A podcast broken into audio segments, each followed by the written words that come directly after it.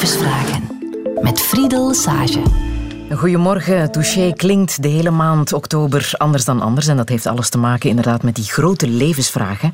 Twee weken geleden werden hier op Radio 1 en in de Standaard de resultaten bekendgemaakt van een grootschalig onderzoek naar welke vragen ons nu echt het meeste bezighouden.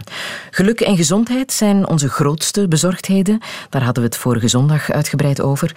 Onze tweede grootste bezorgdheid is samen te vatten met de termen angst en onzekerheid. Deze vragen die leg ik zeer graag voor aan uh, ervaringsdeskundigen, mag ik jullie zo noemen. Patrick Loobuik, filosoof. In zekere zin ben je dat natuurlijk ook wel. Want je houdt je ook wel bezig met de angsten en de onzekerheden van, uh, van de mens. Ja, ja ik probeer wat uh, vooral te kijken over hoe we proberen samen te leven. Um, in, een, in, een, context van diversiteit. En je ziet dan inderdaad dat, dat die context wel wat onzekerheid en angst teweeg brengt bij mensen. En het is interessant ook om te zien hoe politici daar dan op reageren. En dus dat die dingen houden mij bezig. Ja, Hans Bruinings, klimaatexpert, directeur van het uh, Europees Milieuagentschap uh, vanuit Kopenhagen, daar, daar werk jij. Klimaat is natuurlijk ook iets wat uh, de mensen bezighoudt. Hè? Voelbaar dat daar angst en onzekerheid over bestaat? Ja, en ik denk dat dat in zekere zin ook wel een goede zaak is. Hè? Want hopelijk leidt dat ook tot ja, meer mensen die vinden dat er actie moet ondernomen worden en dat we een aantal van de positieve tendensen die er wel zijn moeten versnellen. Want ik denk dat je, dat je toch met een zeker optimisme daar ook naar de toekomst kan zien. Ja. Maar het is niet onredelijk om daar uh, er ongerust over te zijn. Daniel Dumoustier, als oorlogscorrespondent hoef ik daar geen tekeningetje bij te maken waarom jij hier zit om over angst en onzekerheid te praten. Ja, ik heb het uh, dikwijls uh, recht in de ogen mogen bekijken of meemaken natuurlijk. En dan spreken we over op, op internationaal niveau inderdaad. Uh, ja, heel veel conflicten gezien, heel veel angsten gezien bij mensen, bij kinderen. En, en iets dat zich nu ook verplaatst naar hier, voel ik meer en meer. ik heb de laatste twee jaar vooral vanuit Parijs gewerkt en ik daar dan heel kort bij de de aanslagen daar meegemaakt. En dus ik heb nu de indruk dat ik nu meer met, met die dingen bezig ben. Ja, maar heel dicht zelfs, hè? Dat je... Ja, ja, ja, echt eh, in mijn straat, uh, op, op, op 100 meter van waar ik net was gaan wonen, uh, is een aanslag gebeurd. Er zijn onder andere, ik denk, acht of negen mensen toen gedood geweest op een terrasje van een, van een café. Ja. Waar jij van plan was om iets te gaan Waar ik juist daarvoor ook was, ja. ja. En je mocht meteen in actie schieten? Ja, ja ik ben meteen dan terug naar daar moeten gaan. En dan mm. hebben we niet gestopt met werken voor een aantal weken, denk ik, dag en nacht. Ja. Mm. Nu, angst en onzekerheid zijn zeker interessante thema's om uh, vandaag even onder de loep te leggen. En dat doen we in deze touché. Welkom. Radio 1. 1. Touché. De grote levensvragen. Met Friedel Sage.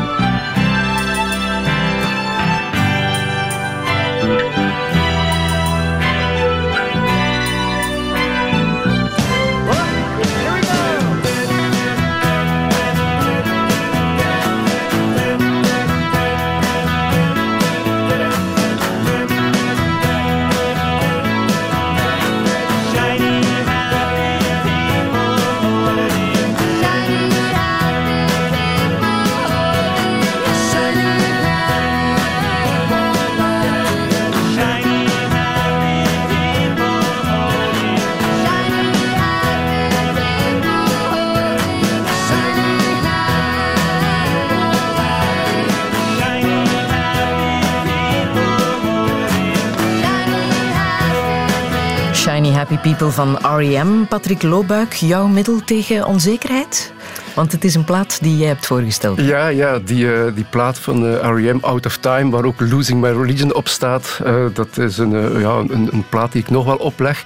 En ik herinner mij als ik mondelinge examens had in Leuven, dat ik dan net voor dat mondelinge examen, om de onzekerheid wat weg te doen, dat ik dan onnozel deed voor de spiegel op dat nummer, hè, omdat dat, dat zo wat energie geeft. En, dus ja, en ik, ik leg het nog altijd op als ik, als ik naar een lezing moet, die ik zelf moet geven, om mij in de auto wat eh, op te peppen, dan leg ik, dat heel luid op in de auto en zing ik dat eh, uit volle borst mee. Ah, je staat tegenwoordig ook voor studenten les te geven. Voel je dat er onzekerheid is eh, binnen die leeftijdscategorie over waar ze mee bezig zijn, wat ze met hun leven gaan aanvangen? Ja, ja, ik heb het nadeel wel dat ik voor heel grote groepen les geef, waardoor het persoonlijk contact met die studenten niet zo intens is, hè, wat ik wel een beetje betreur. Hè.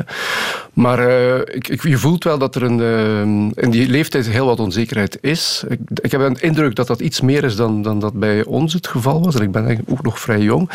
Ehm, er is bijvoorbeeld toch wel een vrij grote keuzestress ook. Uh, was, er zijn heel veel, uh, alle richtingen worden bekeken door mensen. Ehm, men weet eigenlijk niet goed meer wat men juist moet kiezen. Alles is een evolutie. Uh, naar de werkstelling toe ook. Uh, men is niet zeker als men die richting kiest, wat men daar, of, of daar dan de werkstelling aan vasthangt. Als je nu economie kiest, zeg maar iets, je weet eigenlijk niet waar je terechtkomt. Uh, dat was vroeger natuurlijk ook wel al een beetje zo, maar ik heb de indruk dat daar toch wel veel onzekerheid rond is bij, bij jonge mensen. Hans Bruinings, je hebt ook lang uh, lesgegeven, hè? Ja, ik, ik moet zeggen, ik heb altijd heel veel plezier gehaald uit zo'n groep jonge mensen gedurende een semester of meerdere jaren mee op sleeptouw te nemen. En hun vooral ook die tools aan te reiken. En op de universiteit zijn dat dan vooral intellectuele tools. Hè. Het kunnen conceptualiseren, theorieën, feiten aanbrengen, dingen verbinden, waardoor ze de toestand beter begrepen en daardoor ook minder onzeker werden. Want daardoor krijg je ook uh, inzicht in welke greep kan je hebben op die situatie. Wat zijn factoren die kunnen leiden tot verandering? Op welke manier kan ik daar een rol in spelen? Dus in die zin denk ik dat je door op een goede manier uh, les te geven en studenten te begeleiden in inzicht verwerven, dat je daar ook wel een stuk van die onzekerheid kan wegnemen op, op een heel positieve, toekomstgerichte manier. Ja, ja. Een van de vragen die is gesteld tijdens dat uh, grootschalige onderzoek, uh, waarvan de cijfers te lezen stonden in de Standaard en ook op Radio 1 te horen waren, was het geloof in de democratie. Daar gaat het niet zo goed mee. 1 op 4 gelooft niet meer in de democratie. En wat we zo net in het nieuws, de protestmars in uh, Madrid is daar denk ik een, een mooi voorbeeld van. Uh, Daniel de Moustier, jij volgt dat ook wel op de eerste rij. Hè? Ja, natuurlijk. Maar uh, ja, democratie is een, is, is een woord dat we nu veel horen, waar veel vraagtekens rond gezet worden. En hoe, hoe, hoe, gaan we daar nu nog mee, mee, mee omgaan? Geloven we nog in die stemmingen? Ge achter, geven dat nog. En, het hele gedoe in, in Catalonië is natuurlijk een prachtig voorbeeld. Jij schreef op je Facebook Domme Catalanen vorige zondag. Ja, en dat was een beetje de hoender in het knuppelhok werpen. En ik excuseer me daar een beetje voor natuurlijk. Maar het was eigenlijk wel... Ik, ja, jongens, ik zag dat aankomen. Ik was zo boos eigenlijk over heel die situatie. Omdat we... Als je weet hoe het daar in elkaar zit, dan zag je toch dat dit moest gaan gebeuren. Er was bijna geen andere optie. Eh, er waren twee partijen die, die echt tegenover elkaar stonden. En natuurlijk was het, waren de acties van de Spaanse politiemannen totaal, totaal verkeerd. Uh, maar nu is het tijd aan het keren. Hè. In één keer zien we nu mensen op straat komen in Spanje die we eerder niet gehoord hadden. Ik, uh, ik betreur het ook dat de media precies ook wel het, het, klassieke spelletje gespeeld hebben. En ik, ik ben daar even schuldig aan. Ik weet, als ik een betoging sta, waar ga je filmen? Ja, waar het geweld is natuurlijk. Hè. Maar de andere 90 plaatsen waar alles vreedzaam verloopt, zijn niet zo interessant. Maar daar zijn veel mensen. Dus media speelt een rol, iedereen speelt een rol. En de mensen zelf spelen ook een rol. Want... Um, ze komen op straat, maar soms denken ze niet helemaal goed na, denk ik dan. Mm Um, Patrick Loobuik, uh, één op vier gelooft niet meer in de democratie. Heb jij een idee hoe dat komt? Ja, dat was inderdaad een frappant cijfer. En uh, ik moet zeggen dat uh, ik heb nog eens gekeken in een ander onderzoek dat we hebben. En dat, uh, de meeste onderzoeken zijn daar toch iets positiever in, gelukkig. Dus misschien is het een ja, is het een toevals dat het zo negatief is.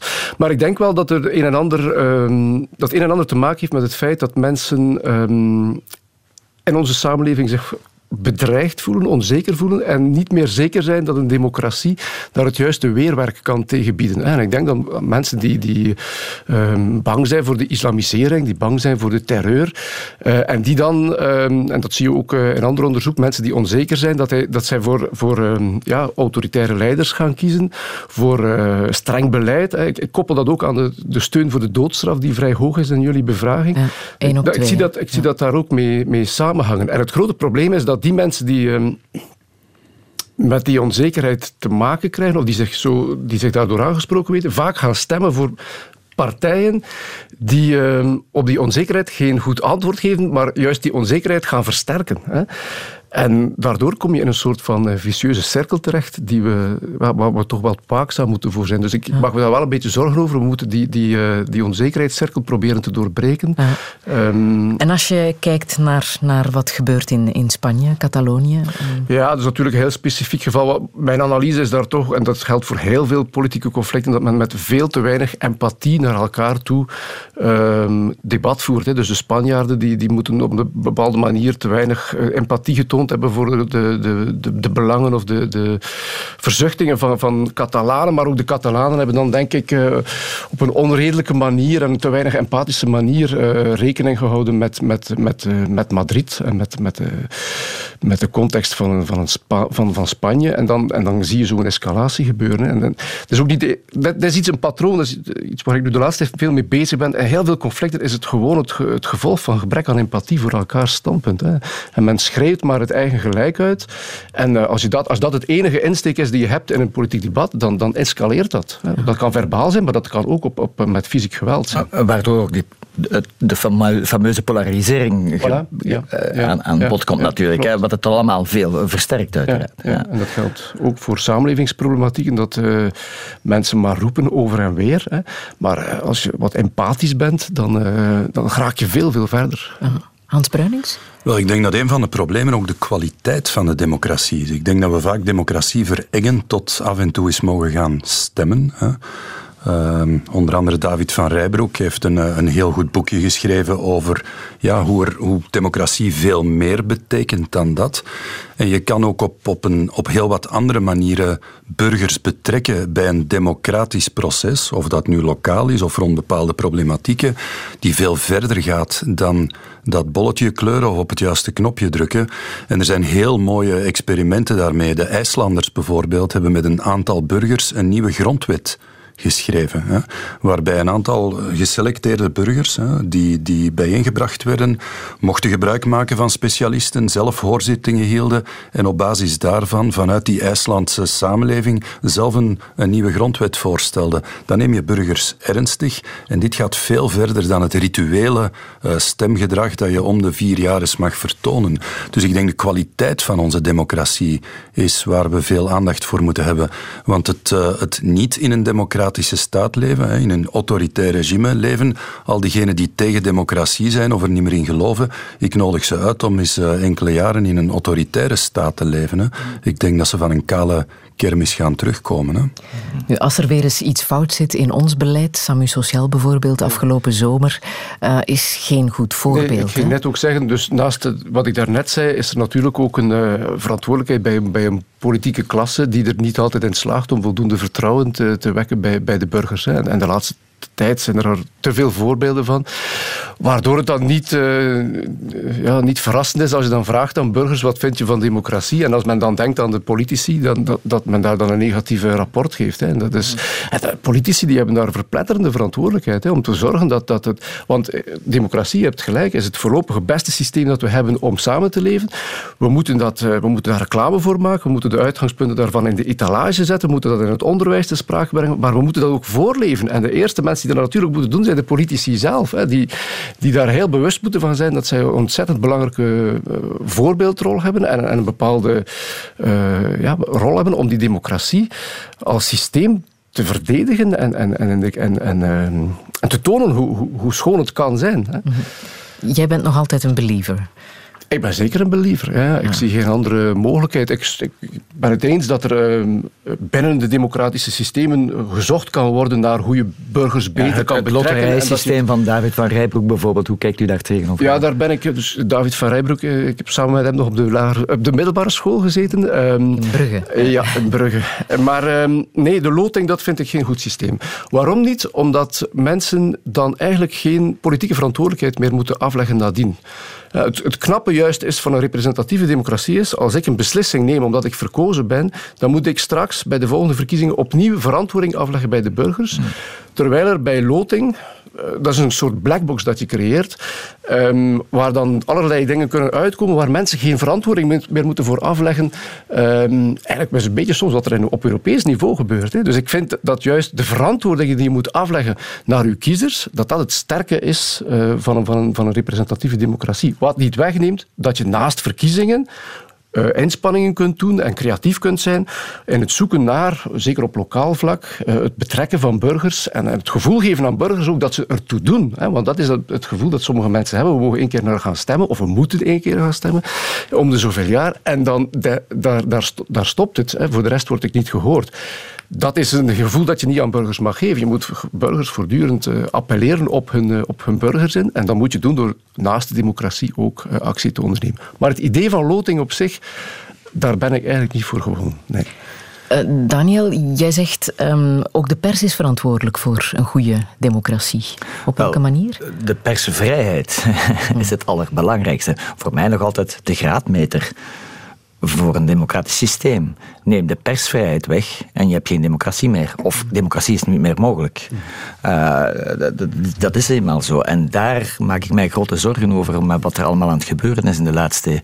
Het gaat heel erg snel eigenlijk. In de laatste decennia zien we natuurlijk door de opkomst van de sociale media een probleem. Zien we dat er al een probleem aan ontstaan is, namelijk fake news bijvoorbeeld.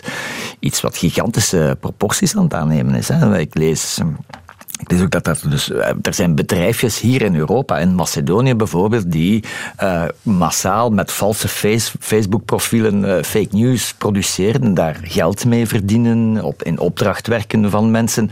Daar is een hele industrie achter eigenlijk en wij realiseren ons dat niet allemaal. En ik, ik, maak me echt grote zorgen daarover. Uh, we hebben nu de rapporten gezien uh, in de Verenigde Staten. Zijn er ook fake news berichten verstuurd dat, de, uh, met een, dat die aanslag in, in Las Vegas door iemand anders zou gepleegd zijn? Uiteraard is dat dan terug weggehaald, maar dat heeft toch een aantal dagen gelopen met miljoenen volgelingen.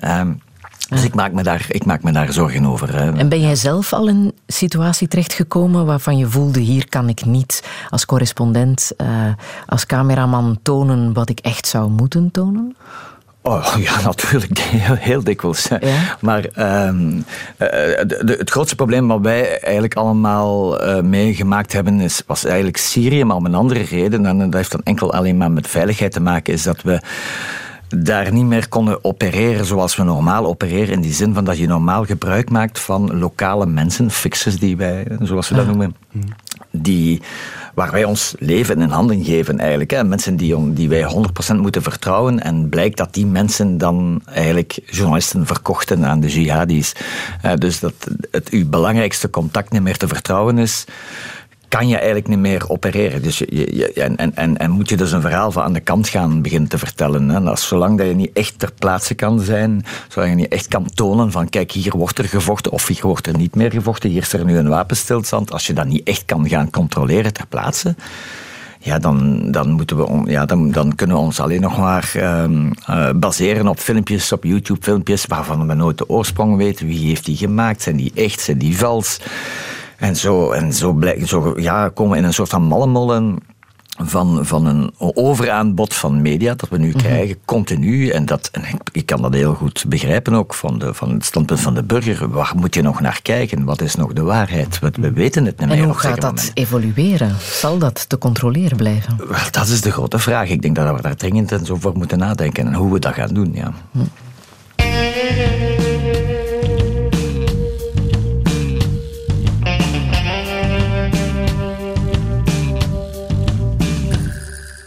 Ze hebben het klimaat een poot uitgedraaid en afgeschoten.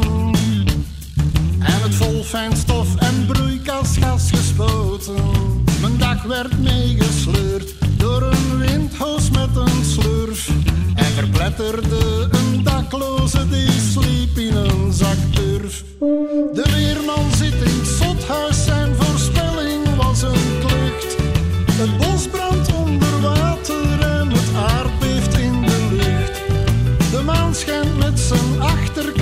zijn voorkant is heel kwaad. Er is duidelijk iets mis met het klimaat van ons klimaat.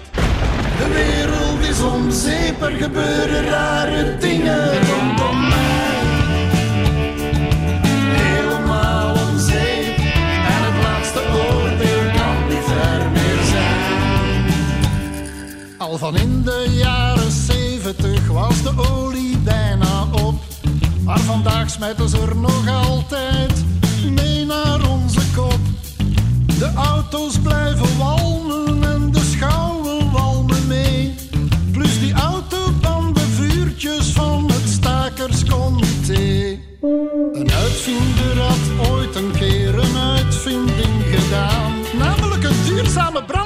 Als je een nat washandje, een gedrenkt in een potje bio-yoghurt en dat dan met een gele snelbinder op je motorkap vastmaakte, konden daarmee zonder schadelijke uitstoot rijden.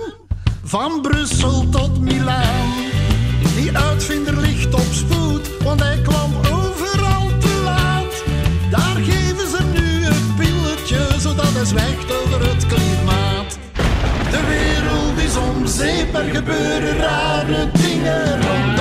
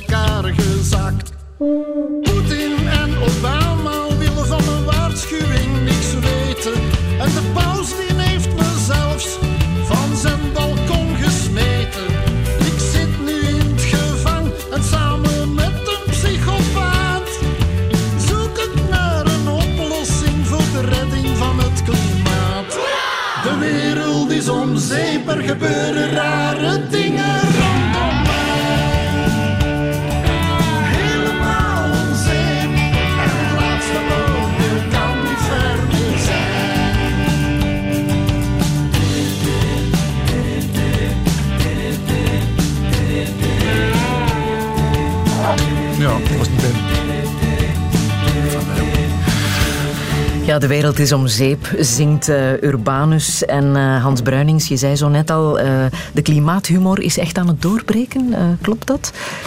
Wel, ik denk, ik denk wanneer je kijkt naar, naar cartoons en naar, naar een aantal stand-up comedians, dan is er inderdaad wel gelukkig ook wel wat humor in dat debat aan het komen. Alhoewel het natuurlijk een heel ernstig probleem is, hè, dat is duidelijk. Ja, maar om het allemaal een beetje te relativeren, is humor natuurlijk altijd handig. Iets dat je kan navertellen? Wel, eh, een, een van de, de Amerikaanse komieken die eh, ondertussen eh, overleden is, hè, maar die heeft een hele sketch over saving the planet, hè, de aarde redden, waar hij zegt dat is het meest arrogante dat we ooit hebben uitgevonden, want de, de, de planet is fine. The people are fucked. Hè. Excuse my French, maar zo zegt hij het. En daar gaat het natuurlijk voor een deel om. We zijn hier niet de planeet aan het redden. We zijn een levenswijze, een levenskwaliteit aan het redden.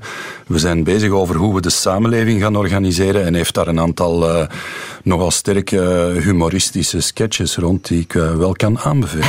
Ja. Ik kreeg uh, van de week een mail in mijn mailbox. Uh, want inderdaad, het klimaat is dus wel een van die grote bezorgdheden waar mensen toch uh, onzeker over zijn.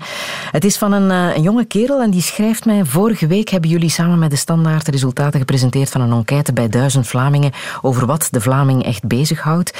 Ik was als 14-jarige niet een van die duizend. Want jullie hebben je gericht tot personen van 18 tot 75 jaar. Toch wil ik jullie graag vertellen wat mij bezig Die vervelende puistjes op mijn neus natuurlijk. En dan vooral hoe ik ze in godsnaam weg kan krijgen. En hoe de Rode Duivels zullen presteren op het WK. En ja, ook hoe de nieuwe, de nieuwe versie van FIFA eruit gaat zien. Maar eerlijk gezegd maak ik me meer zorgen om de wereld. Ik ben veertien en met de wereld waarin ik opgroei lijkt het van kwaad naar erger te gaan. Ik vind dat geen geruststellende, laat staan fijne gedachte. Wouter de Koning, goedemorgen. Goedemorgen. Jij hebt dit geschreven, hè? Ja. Dat is van jou, hè? Hoe denk jij dat de wereld er zal uitzien als jij de leeftijd hebt van eh, de mannen hier aan tafel in de studio? Niet goed, denk ik. Zeker niet als we verder gaan zoals we nu bezig zijn. Ja, en wat loopt er allemaal verkeerd volgens jou? Um, ten eerste het milieu. We zijn daar heel slecht mee bezig. We zitten oerwouden om te kappen, gieten tonnen plastic in de oceaan en onze atmosfeer zit ondertussen vol met CO2 en andere broeikasgassen, waardoor het klimaat en het ecosysteem natuurlijk ontregeld raken en de levensomstandigheden zeer extreem en soms onleefbaar zullen worden. Ja, Hans Bruinings is eh, directeur eh, van het Europees Milieuagentschap in Kopenhagen. Hij eh, begrijpt ongetwijfeld jouw eh, bezorgdheid. Maar uh, klopt deze bezorgdheid, uh, Hans Bruinings? Ja, rond die puistjes niet, denk ik. Die zullen vanzelf wel verdwijnen. Maar uh, alle gekheid op een stokje. Ik denk dat Wouter wel voor een stuk gelijk heeft om bezorgd te zijn. Maar ik denk dat de sleutel zit in, in een van de eerste woorden die hij zei als we zo blijven verder doen. Ja. En we, hebben natuurlijk ondertussen een pak kennis en ook een pak technologie en inzichten die ons eigenlijk toelaten om versneld een andere richting uit te gaan. En dat is natuurlijk de bedoeling als je kijkt naar dat uh, akkoord van Parijs, waarvoor dat akkoord over klimaat maar 35 landen beloofden dat ze daar iets gingen aan doen, zitten we nu op een paar uitzonderingen na met alle landen die dat beloofd hebben. Wanneer je kijkt naar het hele debat, bijvoorbeeld heel praktisch over hoe we rijden met een wagen, dan is uh, op twee, drie jaar tijd heel sterk doorgebroken dat we van die klassieke benzine- en dieselmotoren af moeten en dat we op een heel andere manier gaan moeten rijden. Er is nu een groot debat rond hoe we anders kunnen eten en drinken en daardoor ervoor zorgen dat bijvoorbeeld die regenwouden niet moeten gekapt worden om soja te teelten. Dus hij heeft gelijk. Maar ik denk dat je toch ook voor een stuk optimistisch mag zijn. Ik, ik, ben in ieder geval optimistischer dan vijf jaar geleden. En ik zit hier dertig jaar in. Uh, ik zie dat we op een aantal vlakken dingen aan het doen zijn nu die we vijf jaar geleden niet deden. Ook rond energie. Dus de doorbraak van hernieuwbare energie in Europa vooral, maar ook in China nu en in Indië, is bijzonder snel aan het gaan. Wanneer je nu kijkt naar een aantal landen, Portugal, maar ook uh, Denemarken, Duitsland, die op bepaalde dagen van het jaar al hun elektriciteit al uit hernieuwbare energie halen, dan was dat vijf jaar geleden nog een utopie, een, een, een wilde droom. Ik denk het grote probleem zit hem op dit moment bij het feit dat we nog 5, 6 miljard arme mensen op deze planeet hebben. Die uiteraard ook recht hebben op een goed leven. En als die ons pad gaan volgen, namelijk eerst heel veel grondstoffen gebruiken en vervuilend zijn, dan gaat dit niet lukken. Hmm. Nu, wij hebben een grote verantwoordelijkheid om ervoor te zorgen dat de technologie en ook de financiële middelen, uh, de kennis daar rond zo snel mogelijk verspreid wordt en, en dat wij zo snel mogelijk het zelf beter doen. Maar het is ondenkbaar dat 1,3 miljard Chinezen en 1,2 miljard Indiërs en een paar honderd miljoen Indonesiërs ons traject zouden volgen. Dus we moeten versneld leren van onze fouten om het dan beter te doen. Maar ik denk dat we een zekere zin voor optimisme toch wel mogen hebben daarin. Ja. Wouter, daar schrijf je ook over in jouw brief. Hè? Die uh, ongelijkheid, de kloof tussen arm en rijk, daar maak jij je ook wel zorgen om. Hè? Wat heb je daarover gelezen?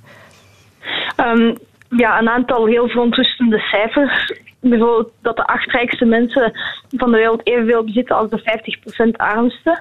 Ja. En ja, elk jaar 10 miljoen mensen van de honger omkomen. En ik, ik snap dat gewoon niet, dat we met al onze kennis daar niks aan doen. Ja, Wouter, we kunnen daar wel iets aan doen. Wouter, ik denk ook dat dat eigenlijk niet te snappen is natuurlijk. Hè. Wanneer je, je kan je dat niet voorstellen wat uh, minder dan tien mensen die evenveel hebben dan, dan 3,5 miljard mensen. Hè. En ik denk inderdaad, als je kijkt naar de ongelijkheid in de wereld, die voor een stuk wel is afgenomen hoor. Want die Chinezen die zijn nu veel minder arm dan twintig jaar geleden. En ook de Indiërs en mensen in Latijns-Amerika. Dus eigenlijk is de wereld minder ongelijk geworden. Maar het kleine groepje hele rijken is wel nog een stuk rijker geworden. Hè. Dus ik, ik denk, uh, dat is niet te begrijpen. Anderzijds mogen we tevreden zijn over het feit dat er minder en minder mensen in die echte extreme absolute armoede leven. Het is natuurlijk de bedoeling dat we, dat we al die mensen een behoorlijk leven geven. Iedereen heeft daar recht op. En dat we dat doen met elektriciteit, die komt uit hernieuwbare energie. Met voedsel dat niet voedsel is, dat eh, een aanslag is op de planeet en op de bossen. En daar ligt de grote uitdaging. Maar ik vind dat je groot gelijk hebt. De, huidige ongelijkheid, daar moeten we ook aan werken, want die is zeker geen goede uh, basis om, om naar die echt duurzame samenleving te gaan.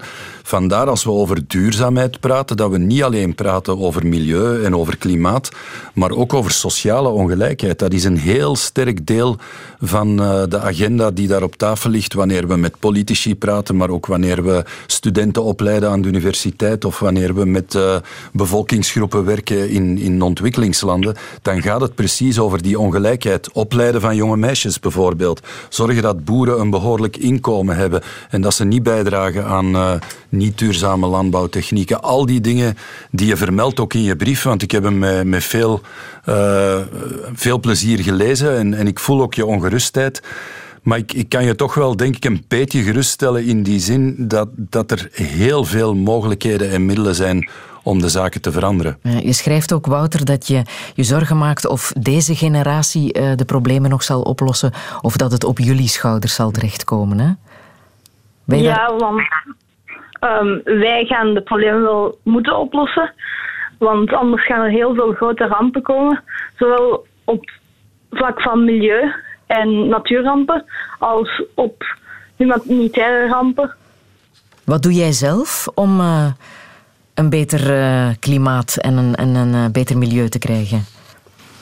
Ja, ik probeer wel een aantal dingen te doen. Dat zijn natuurlijk kleine dingen, maar ik hoop een beetje iets te veranderen.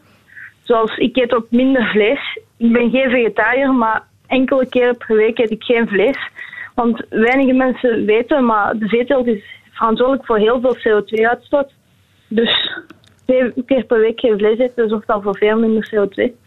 En de kringlopende, ja?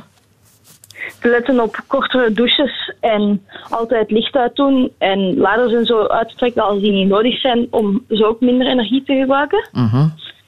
En ik verplaats me ook op de fiets en in plaats van een, uh, de verwarming meteen op te zetten, trek ik meestal gewoon een trui aan, wat ook helpt. En dan... Dat zijn al mooie initiatieven, Wouter. En ik lees toch ook wel dat uh, kringloop- en deeleconomie uh, heel erg populair is bij, bij jongeren. Helpt ook al ons enorm vooruit, hè? Hans Bruinings? Ja, ik denk al de dingen die Wouter aanhaalt, dat zijn inderdaad de dingen die je, die je dagelijks kan doen. Hè. En daar kan je heel vroeg mee beginnen. Dat wordt ook al aangetoond. Ik, ik heb zelf kinderen en als ik kijk wat die op school geleerd hebben over dit soort zaken, dat is op zich al een heel grote vooruitgang met wanneer wij op uh, de school zaten, want toen werd daar hoegenaamd niet over gepraat. Hè. Ja.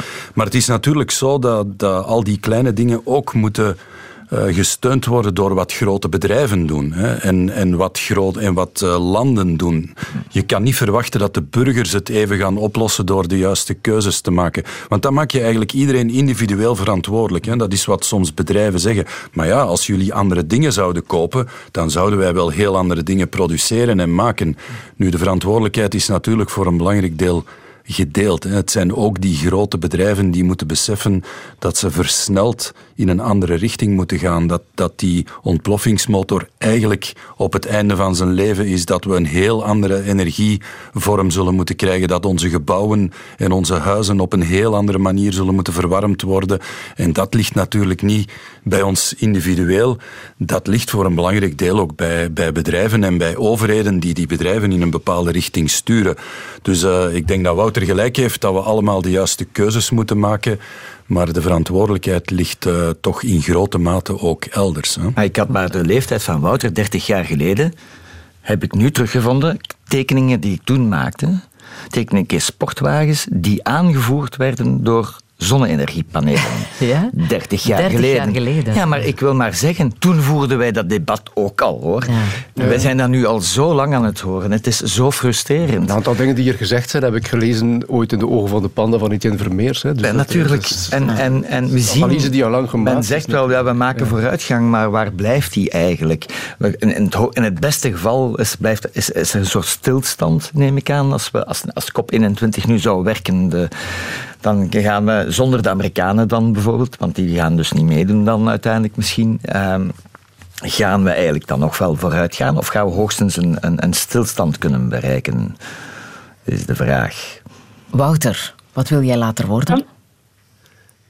Dat weet ik eigenlijk nog niet. Maar filosoof. Filosoof wordt hier aangeraden. Of milieuexpert. Misschien is dat ook een goed idee. Doe maar iets waar dat je al je passie in kwijt kan, wat het ook is. Ja. En wij zetten in ieder geval jouw hele brief op eh, de website. Dan kunnen mensen meelezen. Wouter de Koning, dankjewel hè. Ja. Dag. Graag gedaan. Dag. Ik zag Turken aan de Schelde, Marokkaan in de stad van Gent. En ik hoorde op de markt van Brussel Algerijnen met een vreemd accent. In Keulen zag ik Chinezen, magere mannen uit Pakistan. In Londen chicks uit India met een dikke talbandan.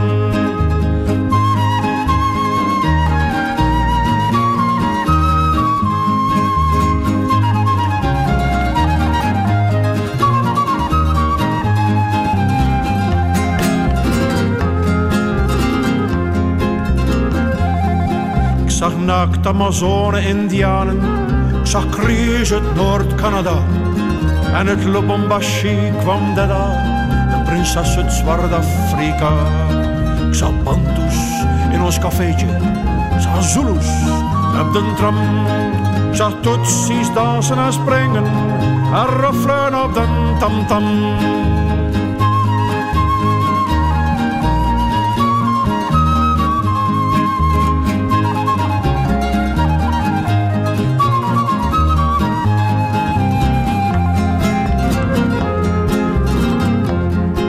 zag Egyptische matrozen in de haven van Rotterdam. Ik zag Portugese joden in de winkels van Amsterdam. Ik zag Incas in Oostende, Chilenen op het Brukse zand. Daar speelden ze een orkestje van een volk zonder vaderland.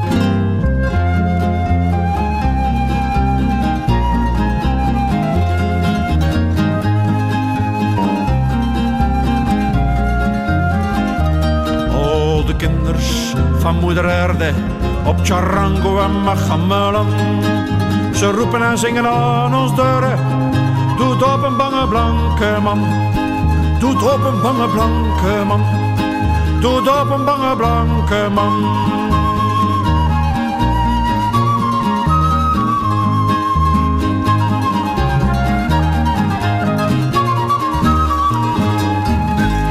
Het protestlied lied liever tegen eh, racisme en xenofobie uit 1991 van eh, Willem Vermanderen, Bange Blanke Man. Eh, het was de partij Vlaams Blok die toen protesteerde tegen dit nummer. Ehm, en ik wil meteen even laten horen wat er toen gebeurde in, in de Senaat.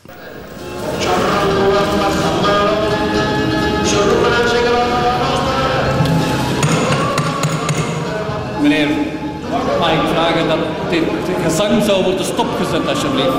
Wij hebben inderdaad hier even een eerbetoon aan Willem Vermanderen willen doen. Omdat voor ons dialoog samenleven is. Omdat voor ons dialoog verdraagzaamheid is. En dat wij niet wensen dat in het België van morgen en in het Vlaanderen van morgen cultuur en vrije meningsuiting door geweld zou worden gefnuikt. Touché. De grote levensvragen. We zijn 25 jaar verder en we leven in dat België van morgen. Uit onderzoek blijkt dat 44% zich afvraagt of we met verschillende culturen zullen kunnen samenleven. Patrick Loobuik, je hebt er een boek over geschreven. Hè? Ja. Zullen we kunnen samenleven? Ja, het is mogelijk, maar het is eh, geen evidentie. En ehm, ehm, ik ben een grote fan van uh, Willem Vermander, om een aantal redenen. Uh, en uh, ik herinner me ook nog dat incident. Maar het liedje zelf zou ik... Um, is een beetje problematisch, omdat het, omdat het te weinig um, realistisch beeld schept van, van, uh, van diversiteit en te veel in de sfeer zit van diversiteit is een hip-hip hoera begrip. Hè. Hoe zou je het herschrijven? En diversiteit is, is eigenlijk ambivalent. Uh, diversiteit dat, uh, dat heeft hele leuke kantjes, exotische kantjes en dat kan ons leven verrijken en we kunnen van elkaar leren, maar samenleven en diversiteit is ook vaak lastig. Hè. En ik heb de indruk dat soms wel eens vanuit een soort, tegen, vanuit een soort compensatiegevoel tegen dat extreemrechtse en dat succes van Vlaams Belang, dat men dan is gaan overcompenseren en dan zeggen van ja, diversiteit is, is, is iets leuks. Terwijl, geef maar eens les. Hè in een klas waar uh, mensen uh, niet allemaal Nederlands spreken thuis, zes verschillende talen, en midden in het jaar een, uh, een Syrisch kind en een Italiaanse jongen binnenkomt. Hè. Maar dat is wel de realiteit waar we vandaag moeten mee aan de slag gaan en we moeten daar het beste van maken. Maar dat is geen evidentie. En mensen die dan zeggen, ja maar help ons, hè, de, die, we moeten daarin ondersteund worden, die doen dat niet vanuit een soort xenofobe reflex. Die zijn niet per se tegen diversiteit, maar die, die, die zien wel dat diversiteit, bijvoorbeeld in zo'n context, niet niet altijd evident is. Um, Daniel Domoestier, je hebt uh, bijzonder veel vluchtelingen gevolgd, gefilmd. Uh, jij ziet wat er echt gebeurt hè, bij die mensen. Um... Ja, ik zie ook de andere kant. En ik heb, ik heb de laatste jaren trouwens ook een paar films gemaakt, uh, educatievere films voor UNHCR, dus het Hoogcommissariaat voor Vluchtelingen heel erg interessant. Ook te zien hoe die integratieprocessen verlopen. Uh, families die, want, want je moet dus weten, daar zijn eh, in het begin van de, van de vluchtelingencrisis werden vluchtelingen effectief officieel overgebracht naar hier. Op de officiële manier. Dat, resettlement programs noemt men dat. dat dan een ganse families gaat selecteren de vluchtelingenkampen in, in Turkije. Of, en die worden dan per vliegtuig gewoon heel humanitair naar hier gebracht. Die krijgen dan een, een, een, een, een huis ter beschikking. Bijvoorbeeld in Luxemburg was dat dan zo. En, die, uh, en je moet dan les gaan volgen en moet dan integreren. Ik heb zo'n aantal families gevolgd de laatste jaren. En, je ziet hoe dat gaat, dat dat dus inderdaad niet echt allemaal gemakkelijk gaat, voor aan hun kant ook. Je hebt daar het, generatieverschil natuurlijk van. Maar hoe die kinderen dan aan de andere kant bijzonder snel integreren, dat fantastisch doen allemaal. Maar ook in dat debat is er volgens mij veel te weinig empathie uh, er zijn mensen die zeggen, ja, de samenleving staat onder druk, het lukt niet met de integratie. En dat is dan de schuld van, de, van die nieuwkomers of van de allochtonen, hè, tussen aanhalingstekens, of van de moslims. Hè.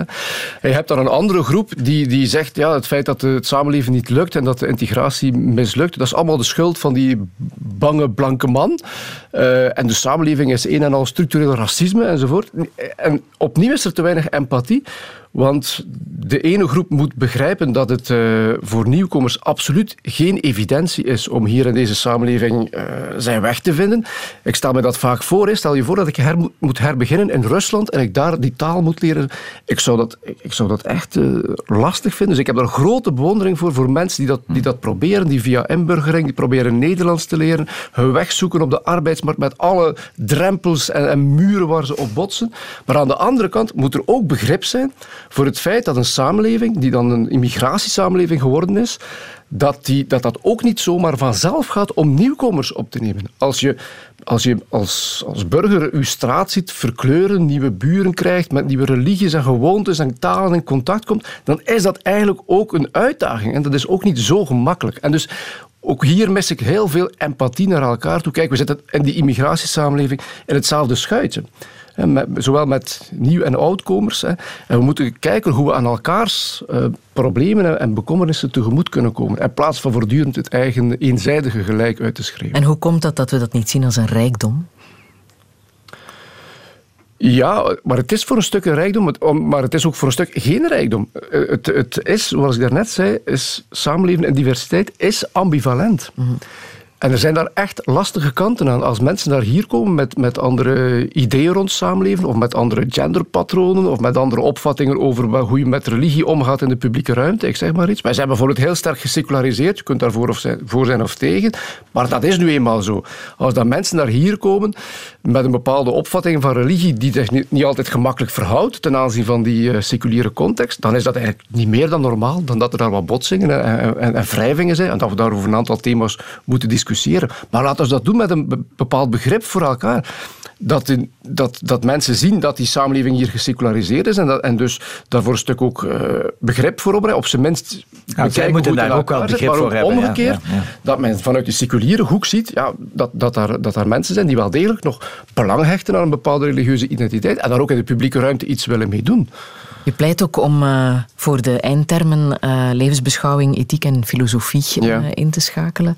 Met die bedoeling om al van kinds af meer het gesprek op gang te brengen. Ja, klopt. Wel, het, is een, is een hele brede discussie. Um, maar ik vind eigenlijk dat we, dat we.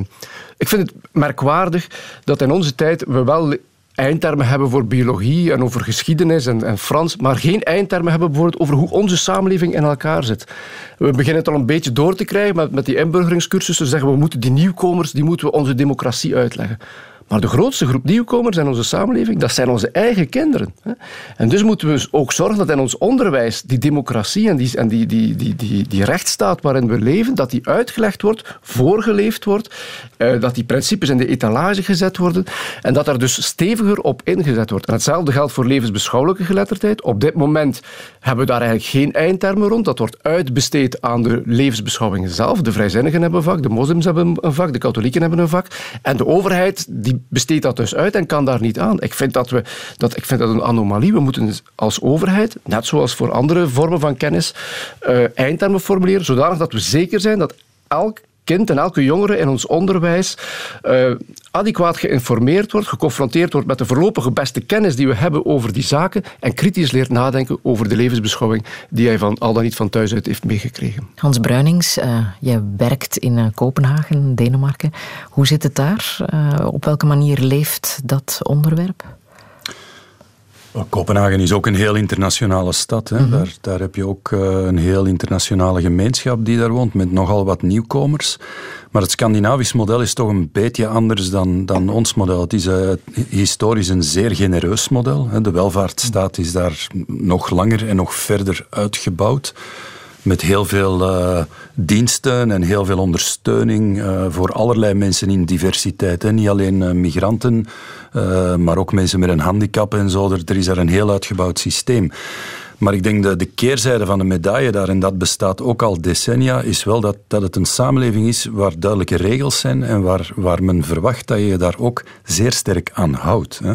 Dus wie buiten de regels treedt, wordt niet meteen extreem zwaar gestraft, zoals sommigen hier uh, roepen, maar wordt wel duidelijk gemaakt dat dit eigenlijk niet aanvaard is. En dit gebeurt redelijk snel. En dit gaat van uh, dronken achter het stuur zitten, waarbij je daar onwaarschijnlijk in de problemen komt. Hè. Dit wordt niet weggelachen. Maar ook wanneer je bijvoorbeeld verwacht wordt om taalkursussen te, cursussen te volgen om je te integreren. Ja, als je daar niet aanwezig bent, dat wordt onmiddellijk opgevolgd. Hè. Dus die generositeit is in balans met een systeem waarbij men eigenlijk zegt, kijk, we bouwen hier een samenleving samen en dat wil ook zeggen dat we ons samen aan een aantal regels moeten houden en wie daar te lang te ver van afwijkt, ja, die komt echt wel in de problemen. Dus ik heb, ik heb wel een, een boon voor dat systeem. Als ik, als ik nog even mag zeggen aan, aan uh, de vorige uh, mm-hmm. tussenkomst van Patrick ook, ik denk dat het ook nodig is om zo'n vak levensbeschouwing uh, en, en samenleving te plaatsen in een bredere internationale context. Dit, dit zijn globale problemen aan het worden. Want de roep van hou ze in Afrika of hou ze daar, wel, dat gebeurt al. De overgrote meerderheid van alle vluchtelingen, migranten, die zit in Afrika en in Azië. Dus die landen die veel minder middelen hebben dan wij, die vangen nu al op vele malen meer migranten op dan wij. En die gaan daar ook op een of andere manier moeten integreren. Of ze gaan leiden tot conflicten, zoals op sommige plekken. Dus ik denk het is ook belangrijk om onze samenlevings problemen, uitdagingen uh, liever, om die te plaatsen in een, een aantal globale uh, contexten. Ik denk dat dat uitermate belangrijk is. We zijn in zekere zin uitzonderlijk, maar we zijn ook een deel van een aantal globale uh, dynamieken. Ik zou de pijn nog wat willen verzachten met muziek. Muziek van Schubert. Patrick Loobuik, jij uh, was daar voorstander van. Fragment uit de achtste symfonie heb ik klaar. Ja, wel, ik, uh, ik speel in een uh, symfonisch orkest, ik speel klarinet en ik heb daar het geluk om... Uh, deze namiddag bijvoorbeeld hebben we repetitie en in, uh, op 23 december spelen we een concert met de achtste onvoltooide van Schubert. Ja, en jij speelt welk instrument? Klarinet. Ja. En dan ben je te horen ongeveer uh, bij Ja, begin, vrij hè? snel. Het begint bij de bassen, dan vallen de strijkers in en dan komt de hobo en de klarinet. Luister maar goed.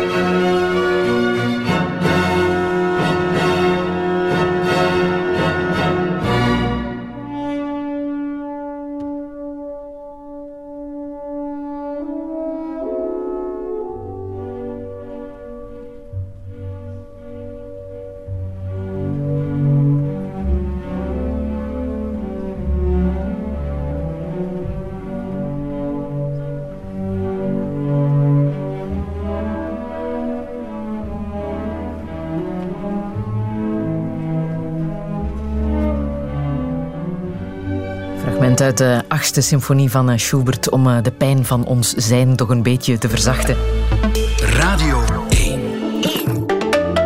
Touché. De grote levensvragen. Met Friedel Sage.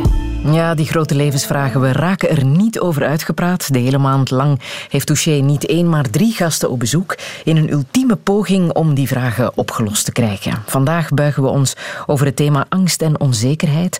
Hoe komt het dat 44% van de mensen bang zijn voor een derde wereldoorlog en één op twee de doodstraf wil voor moordenaars? Waar is het geloof in de democratie naartoe? Is het klimaat nog te redden? En zullen we ooit vat krijgen op ons eigen levenseinde? Je kan erover lezen in het gelijknamige boek. Je kan erover meepraten tijdens de theatertournee die nu loopt. Of je kan ook gewoon luisteren naar mijn gasten hier in de studio. Klimaatexpert Hans Bruinings, filosoof Patrick Loobuik en oorlogsjournalist Daniel Domoustier. Een zeer goedemiddag. Come, you masters of war. Build the big guns. Build the death. You that build all the bombs. You that hide behind walls. You that hide behind discs. I just don't want you to know I can see through your masks. You that never done nothing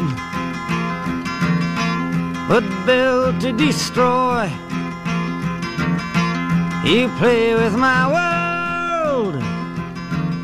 like it's your little toy.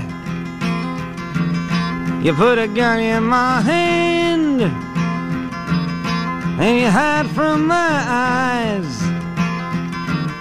And you turn and run farther when the fast bullets fly. Like Judas of old, you lie and deceive. A world war can be won. You want me to believe, but I see through your eyes, and I see through your brain, like I see through the water that runs down my drain.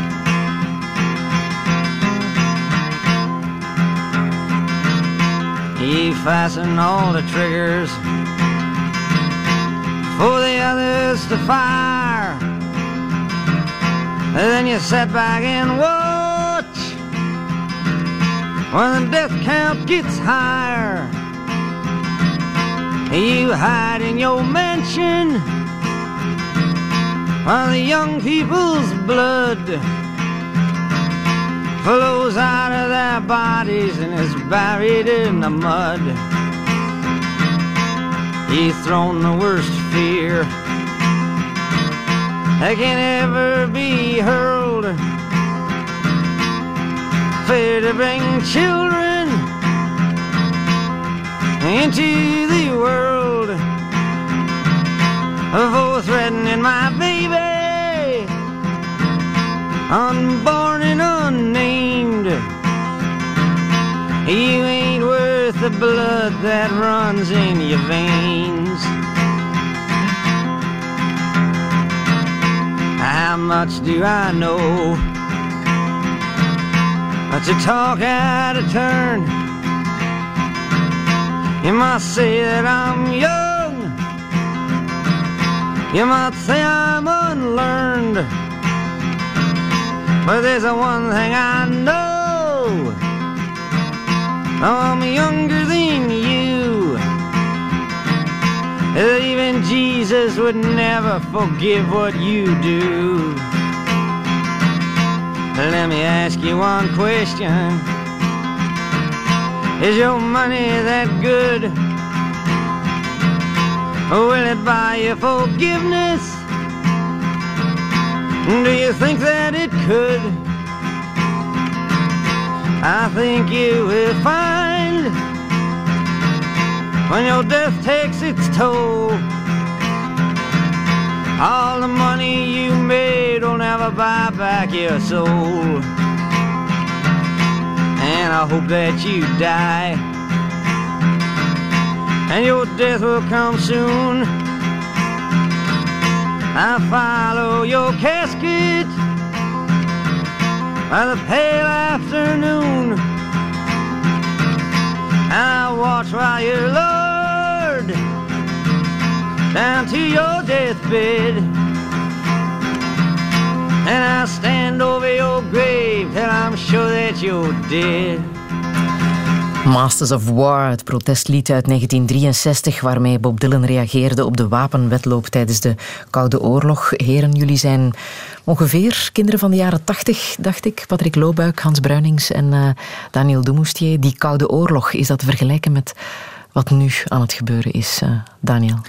Wel, ik herinner me die periode heel erg goed. Hè. Dat was een hele depressieve periode, zo de jaren tachtig, als wij naar school gingen die nucleaire dreiging, die was er wel effectief. Ik ben dus ook toen mee gaan opstappen in, de, in die betogingen in Brussel. Dat was zeer indrukwekkend. Uh, we dachten ook wel effectief de wereld te gaan verbeteren, maar wij hadden die angst, die, ik herinner mij die angst effectief. Hè. Wij droegen ook wij waren, ik was dan ook wel een beetje een punker in het zwart en uh, New Wave en Joy Division en heel die sfeer die daar rondhing in die tijd. Het nihilisme, er was een grote werkloosheid ook toen. no future, hè? Dat het was, was echt een no future periode. En, maar dat is goed dat je me dan de vraag stelt nu. Als we dit bekijken naar de situatie toen, die ook wel ernstig was, want daar waren, die was die opbouw, die nucleaire opbouw. Maar, maar dat is een lachertje met waar we nu in zitten. Een vergelijking met de situatie. Eigenlijk was het, viel het toen nog wel allemaal wel een beetje mee, maar er was die continue dreiging. En ik denk dat ik dan nu merk dat uh, mijn kinderen of de jongere kinderen of de jongere generatie stilaan dat soort dreiging ook aan het op, opmerken is, aan, aan, aan het voelen is. Ja, ik ja. denk het wel. Was jij bang in de jaren tachtig, Hans Bruinings? Nee, ik denk niet dat ik nee? een bange, bange opgroeiende tiener en dan uh, student was. Maar ik heb wel in die tijd internationale betrekkingen gestudeerd in Leuven en in Louvain-la-Neuve. En uiteraard heel die discipline, die werd gedomineerd door dat koude oorlogsdenken. Hè. De bipolaire wereld en alles wat daar rondhing, wapenwetloop, mutually assured destruction, al die termen, daar, dat was ons studiegebied.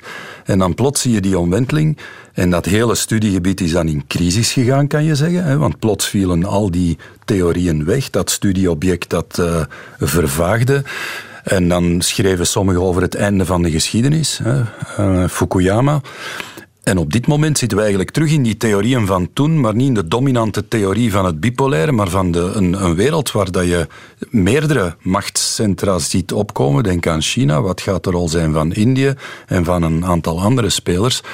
En men is zich terug aan het heroriënteren daarin. En ondertussen zie je natuurlijk ook voor een stuk de chaos die daarmee gepaard gaat. Een bipolair systeem met die twee blokken gaf ook een aantal zekerheden. En een aantal van die zekerheden zijn weggevallen. Dat leidt, denk ik, tot een, een gevaarlijkere wereld vandaag dan wellicht tijdens eh, een heel pak van die Koude Oorlog.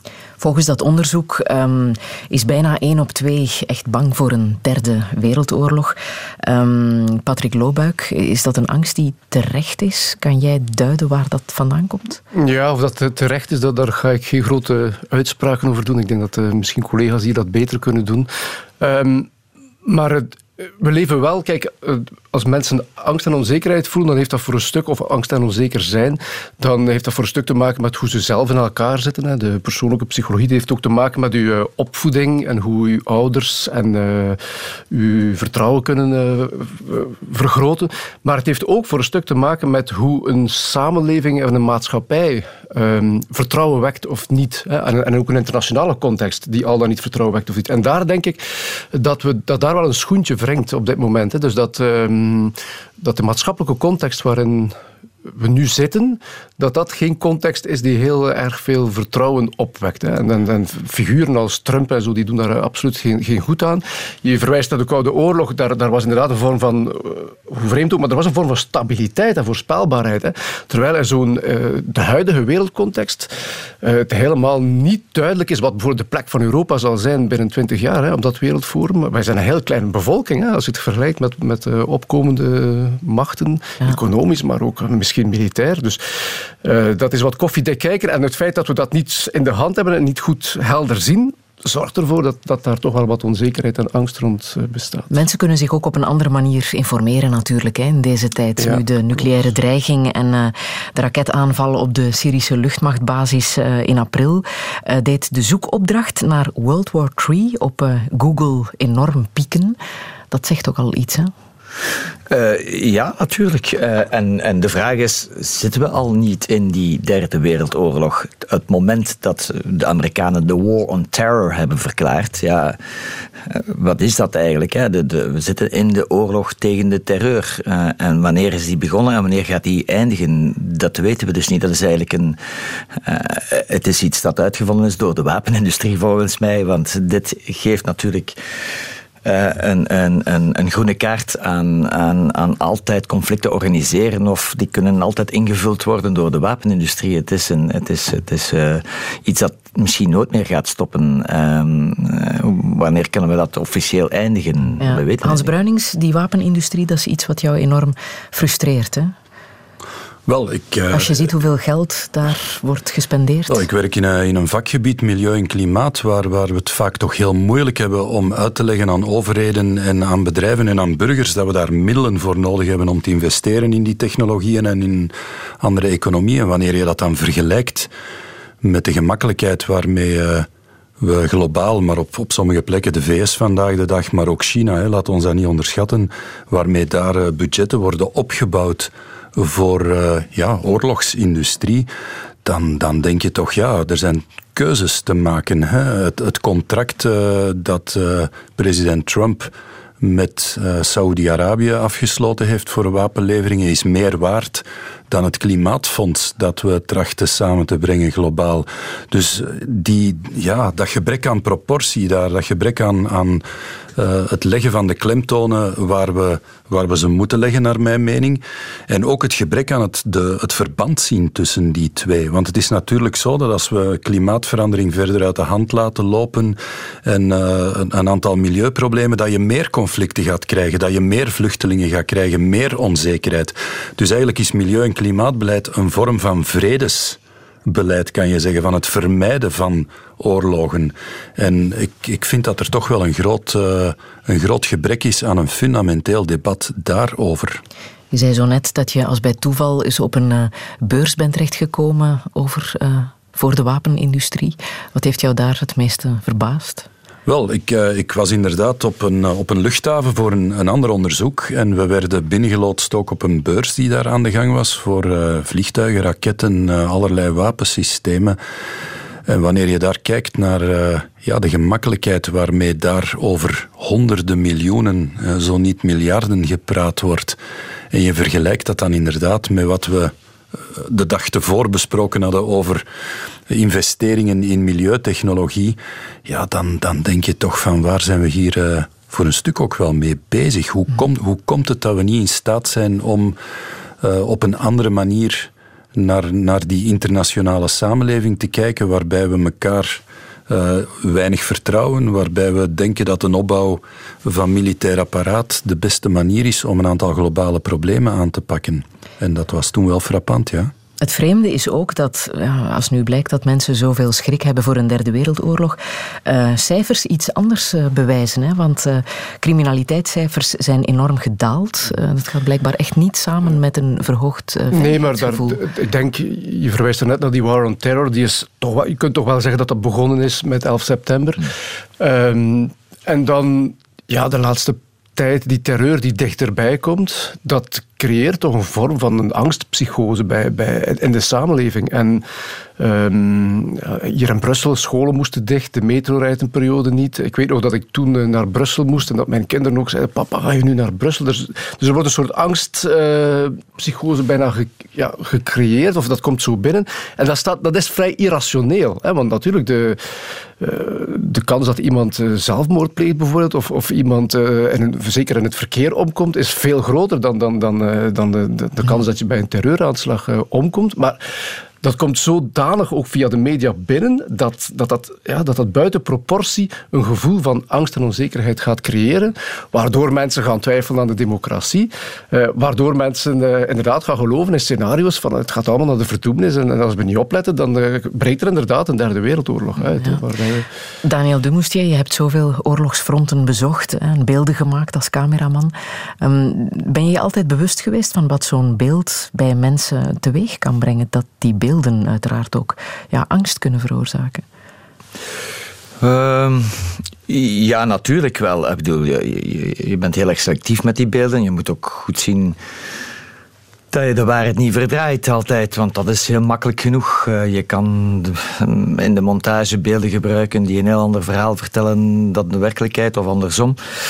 Uh, dat die een impact hebben, natuurlijk hebben die een impact. En dat is ook meestal wel de bedoeling. Als je een verhaal wil vertellen, wil je tonen wat er gebeurt. En hoop je inderdaad dat, die, dat dat verhaal impact heeft. Mensen gaan nadenken over wat ze aan het zien zijn. Dat politici ook gaan nadenken over wat ze aan het doen zijn. Welke beslissingen, beslissingen ze gaan nemen. Dus ik denk dat daar ook niks fout mee is. Um, maar ik ben het niet helemaal eens over het feit. Want ik heb bijvoorbeeld, ik zat in Parijs bijvoorbeeld na de aanslagen. En daar was een heel ander, een heel ander beleid ook, denk ik, ook over hoe, hoe, hoe daarmee moest omgegaan worden na de aanslagen. Parijs was op een paar dagen tijd back to normal. Hè. Ik bedoel, iedereen de dag erop, bijna, bij wijze van spreken, pakt iedereen terug de metro en alles ging terug zijn normale gangetje. Dus misschien moeten we het ook een beetje relativeren met die angst. Ik denk dat we, ik denk als we uiteindelijk rond ons, ons heen kijken en bij onze familie en vrienden kijken, hebben wij zoveel angst. Ik ben er niet zo helemaal zeker over. Ik denk dat dat inderdaad heel erg gestimuleerd wordt door de politiek. Ik denk echt dat die angst het, een, een, een, instrument is om te gebruiken, politiek te gebruiken. En ik denk dat de, de mensen thuis, uh, en ik kijk in mijn omgeving en in, ja, ik, heb, ik, heb, ik krijg toch steeds meer signalen, zeker ook rond die culturele diversiteit. Als ik, ik ga heel vaak de boer op in, in Vlaanderen om te gaan spreken, hè, allerlei parochiezaaltjes en, andere. Maar nu heb je het over de politieke, nu heb je het over de diversiteit. Ik heb het nu effectief over de, aan, aan, de angst voor aanslagen en, en terrorisme dat en speelt, zo. Dat, dat zit allemaal in één Dat wordt nu allemaal hè. gelinkt, het wordt allemaal aan elkaar De invloed van de islam en, en, en je krijgt letterlijk vragen van mensen uh, of, of, of ja, gaan wij straks nog Vlaming kunnen zijn in Vlaanderen? Um, men zal het hier overnemen. Um, en dus je voelt wel toch een substantieel angst en, en, en twijfel rond een aantal thema's. Ja, en als dat, die dan maar ook meestal weer komen die angsten. vertalen. Ja, maar meestal zie je die angst op, op, op, op, de plekken. En dan spreek ik over het platteland in Vlaanderen, waar je daar eigenlijk helemaal geen probleem, nee. die probleem, problematiek helemaal niet bestaat. Ik word kwaad als ik in Brussel kom en ik zet me in een café en ik bestel een pintje en ik zie eigenlijk dat ik in een Arabisch theehuis zit en dat ze geen alcohol geven. Dan word, kan ik mij daar bewust boos over maken. Maar ik zeg, ik ben hier wel in Brussel, mag ik alstublieft een stellen? Alstublieft. En dan wordt daarover gelachen, maar de, en dan denk ik soms wel na van, ja, maar ga ik hier nog wel een Stella kunnen drinken binnen tien jaar? Dat wil ik dus nog wel te kunnen blijven doen. Hè. Sorry, alstublieft, ik ben ook in Brussel en ja, Laat ervoor opkomen. Alsjeblieft. Natuurlijk wel. Maar tegelijkertijd... Maar, dus dat, zijn, dat is de, de, kleine problematiek die we hebben in, in de grootsteden eerder, maar toch niet in, uh, toch niet, uh, in, in, in Kesselo, laten we zeggen.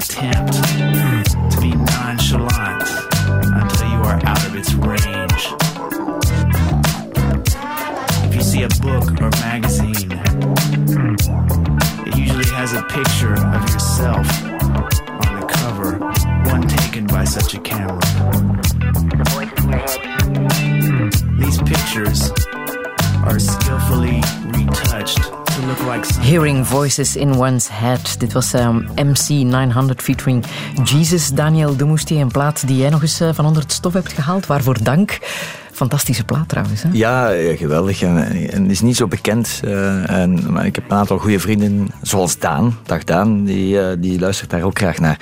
En, um, en dat is zoiets, ja, ik, ik neem er altijd muziek mee. Uh, enfin, vroeger toen ik veel reisde, nu iets dus minder. en dit was altijd een standaard, staat dit op overal, mm. ja.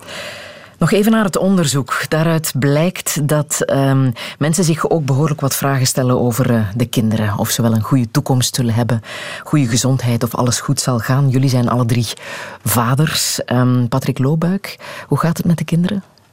Ik hoop goed, ja. uh, we doen ons best om, uh, om ja, een beetje wegwijs te maken in, de, in deze complexe wereld. Ja, je hebt er vier op de wereld Ja, gezet, heb er zeker. vier op de Ja. wereld En is dat allemaal goed gegaan? Eh, wel, bevallen is altijd eh, iets bijzonder. En eh, één keer is het toch bijna fout gelopen, omdat bij de derde zoon, Willem, was er een schouderobstructie. Dat betekent dat dus normaal eenmaal het hoofd uit het lichaam van de moeder is, dan vloept de rest mee eruit. Maar in dit geval waren de schouders breder dan het hoofd, waardoor de baby vastzat. En dat, dan zie je plots... ja, de paniek in de ogen van de gynaecoloog. En hij begint dan bevelen te geven. En ik herinner me nog goed, dat, dat was toch een van de weinige momenten in mijn leven dat ik echt, dat echt alle zekerheden van onder mijn eh, voeten werden geschopt. Want je staat dan als een... Je staat daarbij, je kunt niet vragen aan die, aan die arts, ja, wat, wat gebeurt er juist, want die heeft daar geen tijd voor. En ja, ik weet nog dat ik toen dacht, van, als dat nu maar goed komt. Hè, want achteraf is ook gebleken dat, eh, dat er ook mogelijk zuurstoftekort zou geweest zijn, dat je dan eh, met alle gevolgen van dien. Nu gelukkig, men probeert dan de sleutelbenen te breken, zodat dat inklapt. Dat was niet gelukt. Men heeft hem uitgetrokken. Zijn armpje was eh, verlamd. Maar dat is met de nodige kine dan wel weer goed gekomen. Hè. Maar dit, het zijn toch ervaringen die... ja, dat zijn kantelmomenten. Hè. Als het dan misloopt, dan heb je heel andere leven dan dat ik het nu zou hebben. Hè. Dus ja, Hans Bruinings, hoe gaat het met jouw kinderen? Schitterend. Ja. Ja, wij, wij zijn bezig met eh, de toekomst van onze twee oudste kinderen. We zijn met eh negental andere ouderkoppels aan een huis aanbouwen waar zij kunnen wonen. We zitten nu in de bouwaanvraagfase eh, en met heel veel enthousiasme zijn we eigenlijk aan de zekerheid van de toekomst van eh, de twee oudste kinderen aan het werken. En dat geeft ons ook zekerheid voor de jongste, zodat dat niet op haar schouders terechtkomt. Maar dat zij daarmee kan instappen later, maar niet die verantwoordelijkheid op haar schouders krijgt. Dus eh, heel goed. Wij hebben elkaar al gesproken in een eerdere touché. Toen heb je verteld over jouw twee oudsten, twee straffe kinderen met een mentale handicap. Het is aan jou om te zorgen dat ze een goede toekomst hebben, hè? Ja, dat is natuurlijk anders dan bij andere ouders, hè, waarbij je een opvoeding geeft en dan zegt: Oké, nu op eigen benen, en we zullen je wel steunen als je onze steun nodig hebt. En, eh, en ze maken hun eigen weg. Eh, dat is bij ons natuurlijk eh, helemaal anders. En dat heeft zijn eigen uitdagingen, maar ook zijn hele mooie kanten, omdat je ja, heel bewust eh, bezig bent met die toekomst. En ook welke waarden wil je daarin stoppen? Met wie wil je dat samen doen? Eh, ja, alle energie die daarin kruipt, die ook een, een beetje een levensproject is. Dus eh, in die zin, ja, e- eigenlijk heel mooi. Je zal de angst ook wel herkennen toen ze op de wereld kwamen, denk ik. Ja, wanneer je twee kinderen met een mentale beperking krijgt, dan, dan kan ik wel zeggen dat de eerste jaren eh, heel moeilijk zijn. Ehm, en dan zijn er ook. Nee, nee, met 17 maanden tussen. En, en dan heb je achteraf ook wel een periode dat je. Alle ouders met een kind met dat soort beperking hebben dezelfde grote levensvraag. Wat als ik er niet meer ben? Hè? En daarom hebben we voor een stuk zelf het heft in eigen handen genomen, omdat de overheid ja, die taak op dit moment eigenlijk niet meer aan kan. En dan tracht je zelf eh, een aantal dingen te doen. En ja, dat is een beetje met vallen en opstaan, maar we hebben op dit moment een prachtige groep ouders eh, en vooral bewoners eh, Ja. samen. En wat Dus, doen ze, de kinderen? Eh, onze oudste zoon werkt nu, die is eh, geïntegreerd in een, in een gewoon eh, bedrijf, een verhuurbedrijf van feestmateriaal, doet dat zeer goed. En onze dochter die doet nogal wat vrijwilligerswerk en is ook deeltijds in een dagcentrum. Maar dat gaat heel goed. Ja, heel belangrijk dat ze ook echt een activiteit hebben waar ze zich gelukkig bij voelen, denk ik. Ja, absoluut. Iedereen eh, heeft nood, denk ik, en ook recht op eh, zelfontplooiing, hè, wat, wat dat ook de context is. En dat doen ze op dit moment schitterend. Hm. Daniel de Moustier, je hebt eh, een dochter. Ja, ik heb ook drie kinderen. En, eh, die het ook allemaal zeer goed doen. Eh, ik ben heel erg trots op hen. Ze zijn heel artistiek ook. Mijn oudste dochter, net afgestudeerd aan de theaterschool in Amsterdam, eh, heeft mime gestudeerd. eh, is nu al vol een bak aan het spelen in Duitsland. En, eh, gaat toch wat zijn trits bijstuderen. En zo. Dus dat, en dat loopt helemaal goed, ja. ja. En de andere? en dan heb ik nog een, ik heb nog een zoon, eh Misha, die ook heel erg goed danst. Het zijn allemaal dansers geworden, Is het blijkbaar. waar? Ja, ja. en we studeren daar ook nog bij, ja. ja nee, dat is geen probleem. En hoe gaat het met jou? Met mij is het dus eh, iets veranderd. Lichtjes. Dus ik heb een drietal maanden geleden te horen gekregen dat ik eh, lymfeklierkanker heb. Eh, en dat is natuurlijk, ja, ja verschrikken. Natuurlijk, ja.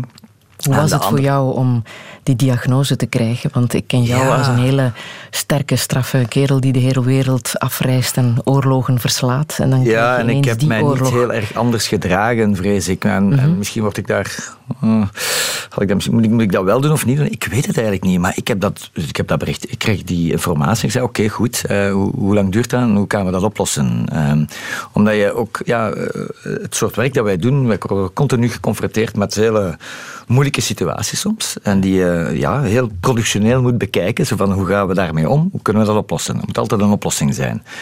En in dit geval moet er ook een oplossing zijn voor mij, want ik heb geen andere keuze. Ik ga dit gewoon. Ik heb, men heeft mij een zes maanden therapie, chemotherapie voorgesteld. Ik ben nu halverwege. Gaat vrij goed. Eh, Ik heb er echt heel weinig last van. Dus we gaan dat even uitzingen. Hè. We gaan gewoon zes maanden doordoen en dan gaan we er terug aan beginnen. Zo redeneer ik dan. Eh, aan de andere kant heb ik dus nu een wereld leren kennen van binnenuit. Eh, en, en heb ik enorm veel respect gekregen voor eh, heel de, de, de, de medische staf in de ziekenhuizen. eh, hoe iedereen daar zo ongelooflijk goed aan werkt. Ook aan, aan, aan andere patiënten. Ik ga dan, als ik daar dan een week in het ziekenhuis zit, ga ik bij alle patiënten praten en zo. En ik vind het wel leuk om die te leren kennen. Geweldige verhalen. kent en heel veel heel veel mensen die, die heel erg positief blijven en dat doet me heel veel deugd. Ja. Hoe belangrijk is vertrouwen als je dit soort boodschap krijgt in die eh, geneeskundige staf, in de arts die jou behandelt? Wel, het vertrouwen van de, de, van de medische industrie bedoel je? Of, eh? Want wel, jij moet die is nu wel, die is wel, eh, die is wel vrij groot natuurlijk. Hè. We hebben het geluk te wonen natuurlijk in een land als België ten eerste, waar je kan verzorgd worden en dat je dat kan overleven zonder dat je dan meteen failliet gaat. Ehm, tot nu toe. Ehm, dat mag ook niet te lang duren natuurlijk. Maar ik bedoel, ja, de, de, de, eh, wat, wat, wat- we hier allemaal krijgen is, is onbeschrijfelijk goed. Ik kan dat vergelijken met de andere ziekenhuizen die ik al gezien heb in de rest van de wereld. Dan zitten we hier niet slecht. Hè? Ehm, en, eh, en, en geweldige inzet van mensen. eh, maar ik heb tegelijkertijd ook altijd wel vragen met zoiets als de, de, de farmaceutische industrie, wat ik ook wel een groot monster vind, dat zijn tentakels ook wel in, in, in die wereld geplant heeft. En, en, en elk soort alternatief dat er soms kan voorgesteld wordt, wordt meteen aangevallen. Hè. Men is daar niet zo blij mee. Hè. Maar daar zijn dus alternatieven. Ik, ik lees nu ook weer dat men in Nederland inderdaad eindelijk de cannabis, cannabisolie gaat eh, volledig legaliseren. Men weet dat, dat er ongelooflijk veel goede resultaten mee kunnen geboekt worden. Hier mag daar nog nauwelijks over gesproken worden. Hè. Dat is echt onwaarschijnlijk. Dus ik, vraag, ik stel me dus wel vragen daarop. Ja. Ja. En hoe groot is eh, de angst voor de gevolgen van, van de chemo, de gevolgen van de ziekte? Wel, eh, die, ja, ik, ik wist daar niks over en ik had ook geen, ik had geen idee waar ik mij moest verwachten. Nu, ik heb blijkbaar, voor iedere patiënt is dat anders en voor elke persoon is dat anders. En ik heb blijkbaar het ongelooflijke geluk dat ik er relatief weinig last van heb. eh, buiten een, paar. Je voelt je altijd al een paar dagen vreselijk misselijk en mottig. Maar daarbuiten gaat het wel. Dus je kan, dankzij ook wel de, de medicatie die we krijgen tegenwoordig, er wordt heel veel eh goede dingen gegeven, eh, kan je blijven functioneren bijna. Ehm, niet echt functioneren, 100%. Je bent heel snel vermoeid en eh, het is, je kan niet meer gaan doen wat ik deed. Ik kan geen 18 uur per dag met camera's gaan rondzullen. Dat gaat echt niet meer op dit moment. Ja. Maar dat komt terug. Ja? Ja, natuurlijk. Ja. Dat wil je ook terug gaan doen. Natuurlijk, ja. Het is niet dat de ziekte jou anders naar het leven heeft doen kijken. Ehm, je hebt nu wel, wat, je hebt wel wat tijd natuurlijk. Hè? Dus ik zit nu al drie maanden. Ik heb effectief, gezegd, ik ga even zes maanden stoppen. Hè? Dus ik ben nu gestopt. eh, en je hebt in één keer veel tijd. En daar spookt van alles door je hoofd. Natuurlijk, ja. Maar je probeert alles ook veel meer te relativeren, uiteraard. Eh, en je denkt vooral in mijn geval denk ik vooral aan de toekomst. Wat ga ik doen hierna? Hè? Hoe, ga ik, hoe ga ik hiermee verder gaan? Ga ik inderdaad nog wel kunnen filmen? Ik wil dat wel, hè? maar ga ik het wel kunnen nog? Eh, dat weet je allemaal niet. Zijn, er zijn veel, veel vragen. Maar angst, nee. Dat heb ik niet. Onzekerheid wel, maar angst, nee. nee. Hoe denk je over de dood? Ja, de, dood, ehm, die, die heb ik al ook een paar keer heel kort bijgezien. Uh, men, heeft, uh, men heeft al een paar keer op mij geschoten. Ik heb al collega's verloren uh, die bij mij gewoon in de auto zaten. het was het bewuste incident. Een incident in, Irak. Irak. heel korter bij de dood kan je niet geraken, denk ik. Vooral als je weet, ik ga nu sterven. Hè, dat u, er wordt, werd met, kijk, er werd met een aantal machinegeweren, volautomatische trouwens, van M1 Abraham tanks op mijn wagen geschoten statistisch gezien maak je geen enkele kans om dat te overleven. Om een of andere bizarre reden ben ik daar uitgeraakt. Ik, heb, ik ben erin geslaagd om mijn hoofd onder het stuur te steken eh, van een auto en blijven doorrijden. En, en op tijd eruit kunnen springen. En die wagen is dan ontploft en, enzovoort en zo verder. Een krankzinnig verhaal. Maar ik ben daar levend uitgeraakt. Um, maar op het moment, ik herinner me heel goed die periode, dat moment dat ik met mijn arm rond mijn hoofd zat en dat er geschoten werd op mij en dat je weet, ja, nu ga ik sterven. Zeker weten. En dan stopt het in één keer en ben ik er nog. en dan is er maar één ding dat door je hoofd schiet. Dat is, je moet nu ook wel blijven, daar ook blijven. Je hebt dit nu overleefd, probeer hieruit te raken. En dan moest ik, dat was nog een heel gedoe om uit die situatie te raken. En daar ben ik dan ook in geslaagd en ben ik dus daar levend uit geraakt. Maar ik was de enige van de vier. De andere drie collega's zijn, hebben het helaas niet overleefd. En dan komt er een heel ander probleem, is hoe ga je daarmee om? Hè? Ehm, en hoe ga je verder met je leven? Um, en in mijn, mijn, mijn standpunt is doorgaan. Altijd doordoen met wat je bezig bent. Voor, voor mij is dat de beste therapie. En waarom?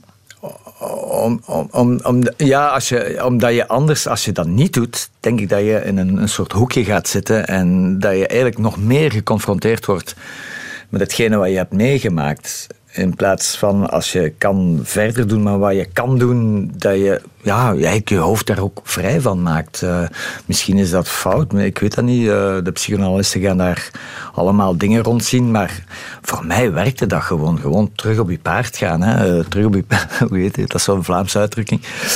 ja, en doe dat gewoon. Ga verder. En, dat, en, en dan... dan ehm, ja, kan, kan je verder functioneren. Anders gaat dat niet.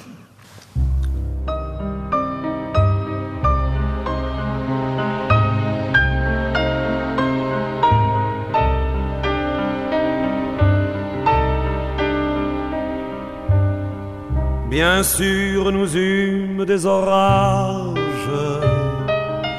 Vingt ans d'amour, c'est l'amour folle. Mille fois tu pris ton bagage.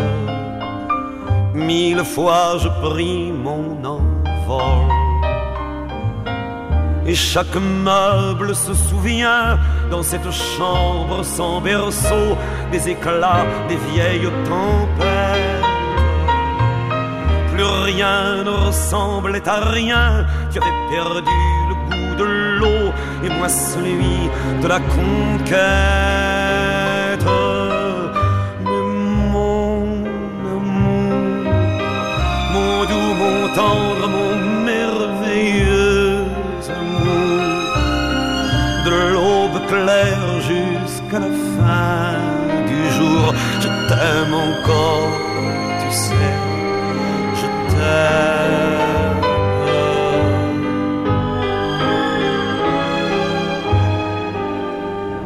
Moi je sais tous tes sortilèges, tu sais tous mes envoûtements. Tu m'as gardé de piège en piège, je t'ai perdu de temps en temps.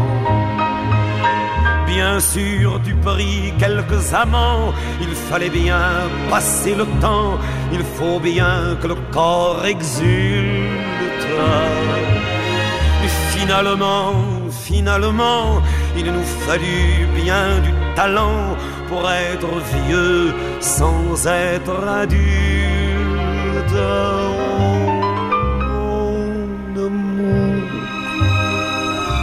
doux, mon tendre,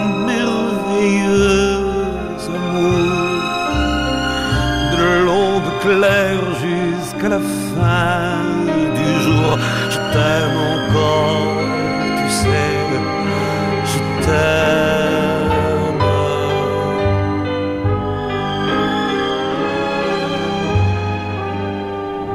Et plus le temps nous fait cordel. plus le temps fait. Mais n'est-ce pas le pire piège que vivre en paix pour des amants? Bien sûr, tu pleures un peu moins tôt, je me déchire un peu plus tard, nous protégeons moins nos mystères. Laisse moins faire le hasard, on se méfie du fil de l'eau, mais c'est toujours la tendre guerre. Oh mon amour, mon doux, mon tendre, mon merveilleux amour, de l'aube claire jusqu'à la fin du jour, je t'aime encore, je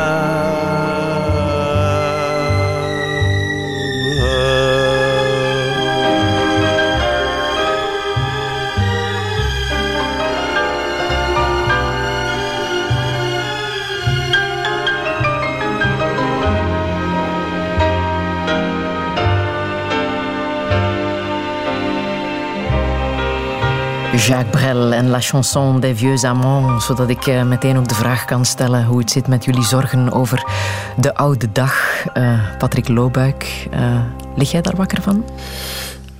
Ehm, over hoe het zal zijn als ik oud ben, daar ben ik eigenlijk niet zoveel mee bezig. Ik stel mij soms wel eens voor dat het misschien ook wel allemaal zal meevallen, omdat, omdat we nu ook bijvoorbeeld in contact kunnen blijven met elkaar via sociale media. Dat is toch iets nieuws dat zich dan ook zal manifesteren. Ehm, maar ik ben wel erg gevoelig voor het feit dat... eh, ja, ik heb daar iets mee, dat de tijd voorbij gaat en dat... eh, ja, dat ik die tijd niet kan vastpakken en dat ik ouder word.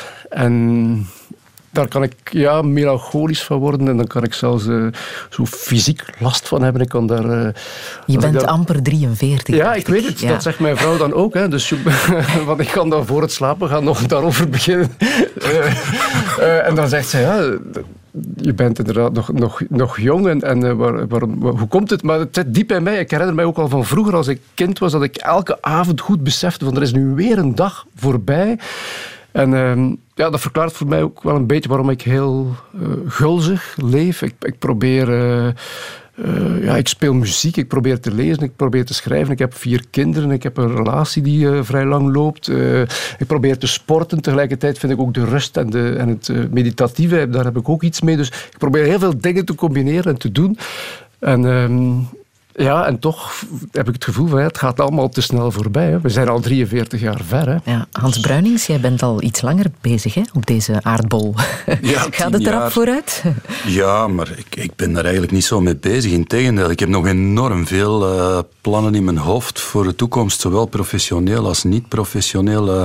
ik, ben, ik ben al blij dat wij nu in een generatie zitten die niet zoals die van onze vaders dikwijls op 4, 5, 56 op pensioen ging. hè. Dat zou voor mij binnen twee, drie jaar zijn. Ik kan me dat gewoon niet voorstellen. Ik heb nog minimum voor 10, 15 jaar creatieve ideeën in mijn hoofd van dingen die ik wil doen. En Hoe zit het met jouw mandaat als directeur bij het Europees eh, Milieuagentschap? Wel, dat, dat loopt af eh, eind mei eh, volgend jaar, 2018. Maar de Raad van Bestuur kan een tweede mandaat aanbieden in december. En ik ben op dit moment zeker geneigd om, eh, meer dan geneigd om daar ja op te zeggen. Moesten ze dat aanbieden inderdaad, omdat ik doe mijn job zeer graag. Ik ben met relevante dingen bezig. Ik werk in een prachtige eh, instelling met enorme collega's eh, van meer dan 30 landen. En, en ik hoop toch dat we een beetje impact hebben ook op dingen. En al die dingen samen, denk ik, maakt dat ik ben eigenlijk niet zo bezig met mijn oude dag of met allerlei zorgen of, of zaken daar rond. Daniel Dumoustier, ben jij bezig met je oude dag? Ah, het is aan mij nu. Bon, Oké. Eh, ja, nee, ik ben ook zo'n kerel die altijd denkt van... Ik begin eigenlijk nog maar. Alles wat ik tot nu toe gedaan heb, was eigenlijk maar het voorbereidende werk. Nu gaan we er echt aan beginnen. Ja. Ja, ja, ja. Aan de andere kant natuurlijk, door wat ik nu heb meegemaakt... wordt dat even op, op, op, op een zijspoor toch lichtjes gezet. Zo van, ja, je, dat is dan weer de onzekerheid. Hè. Je bent zelfstandig cameraman. Maar ik ben een zelfstandige, kerels. Dus ik moet wel doorwerken. Daar is geen opvang. Uh, daar is helemaal niks. Financieel is het een... Uh, uh, ja, sta je er echt alleen voor. Hè. Je krijgt geen steun van niemand. Hè. Je moet blijven werken tot je erbij doodvalt eigenlijk. Want het pensioen dat wij gaan krijgen, daar stelt ook absoluut niks voor. Dus daar maak ik mij wel een beetje zorgen over. Hè. Hoe ga ik overleven later? Hè? Want effectief het werk kunnen blijven doen tot je 75ste zal ook nog niet echt gaan. Maar je moet wel doordoen. Hè. Wij, wij kunnen ons niet veroorloven om te stoppen. Hè. Absoluut mm, niet. Mm. Iets anders doen uh, na alles wat je hebt meegemaakt? Wel, ja, dat zijn natuurlijk ook opties. Uh, maar ik weet dat niet of die allemaal gaan werken. Maar ik zou misschien eventueel eens wel wat gaan schrijven bijvoorbeeld. Dat is, daar heb ik nu wat tijd, zou ik zo wat uit voor kunnen maken. Uh, ja, ik zou mijn, mijn verhaal wel eens willen opschrijven. Um, uh, maar ik wil langere films maken. Ik wil eigenlijk uit, en ik wil eigenlijk wel uit het nieuws stappen nu. Ik heb het nu wel gezien, het nieuws. Uh, Echt waar? Ja, ja, ja. ja. Uh, maar vooral ook omdat het zo bedreigt, het, het formaat op zich zo bedreigd wordt. Ik denk ook dat televisie helemaal gaat verdwijnen, heel snel trouwens. Ik ken, ik, in mijn omgeving ken ik niemand die nog naar televisie kijkt. Hè. Dat is gedaan. Hè. Mijn kinderen kijken op een smartphone naar YouTube en that's it. En al de rest, en dus het klassieke televisiejournaal nieuws dat we nu nog een beetje maken gaat verdwijnen. We, gaan alleen, we kijken alleen maar naar korte videofilmpjes van 10 seconden waar daar een beetje tekst over staat en that's it. En ik heb daar weinig respect voor. Uh, ik begrijp het allemaal. Het is allemaal de tijdsgeest en het is hoe we gaan evolueren en hoe de informatie naar ons toe komt. Maar het is mijn ding niet meer. Uh, ik, uh, ik, ik hou nog te veel van echt goed gemaakte, handcrafted uh, reportages met, met een goed script en een goede tekst en met goede beelden. Gaan we daar ook niet meer naartoe? Naar meer duiding, meer diepgang en langere documentaires? Daar is ook zeker een vraag voor en daar is duiding voor. Maar wie gaat het betalen? Want het gaat allemaal via Tinder. Dat is het hele probleem. Wie gaat ervoor willen betalen nog? Daar is, dat kost allemaal veel geld. Hm. Hè? En vroeger had je eh, een heel pak mensen dat op hetzelfde moment, op hetzelfde moment naar een, een, een programma kijkt op televisie, waardoor er op dat moment veel sponsoring voor is en veel budgetten voor zijn. Maar dat ligt nu allemaal verspreid. We zitten in een heel ander systeem nu. En uh, ja, dat gaat allemaal veranderen. Dus het is allemaal niet meer, zo, niet meer zo evident. Je hebt natuurlijk formules zoals Netflix en zo, die wel dan weer openingen bieden voor documentaires te maken. Dus ja, het is niet allemaal voorbij, natuurlijk niet. En, maar we gaan het helemaal anders moeten gaan doen. Mm. In ieder geval wil ik jullie al troosten met uh, een boek van uh, de grote levensvragen.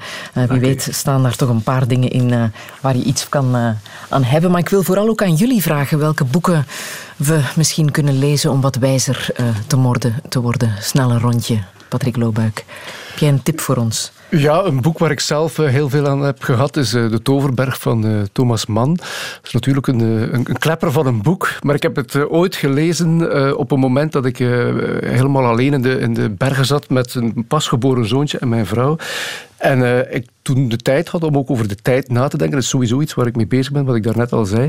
En uh, ja, Thomas Mann uh, die, die slaagt erin om een aantal thema's die met tijd en tijdsbeleving te maken hebben in die roman te verwerken. En het is eigenlijk 500, 600 bladzijden filosoferen. Hè. Dus ik, het, is een, het is prachtig. Ja.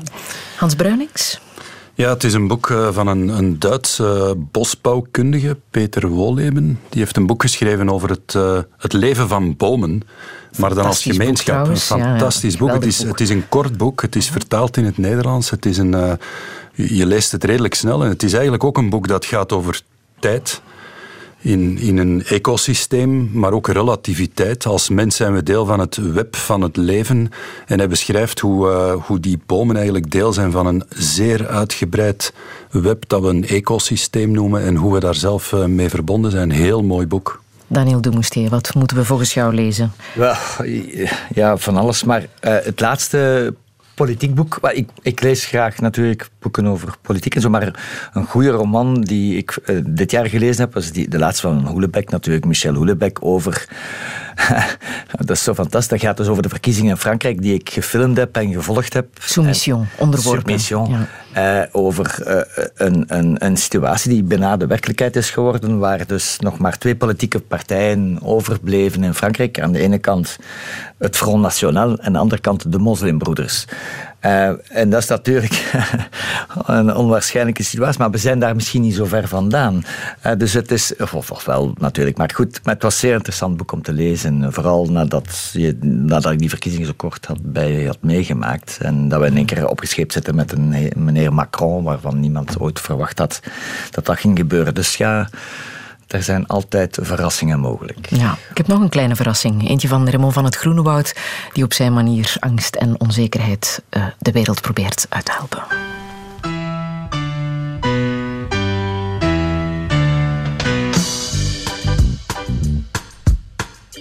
Trek het je niet aan.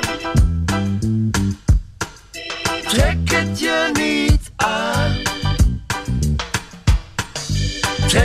Je niet aan. Trek het je niet aan. Wel, ze noemen jou een kuttekop. En ze noemen jou een loon. Je moet op je tanden bijten. Ze maken je horendel.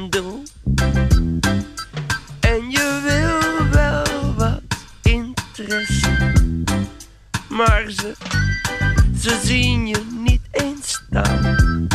Je zou verschrikkelijk kunnen janken.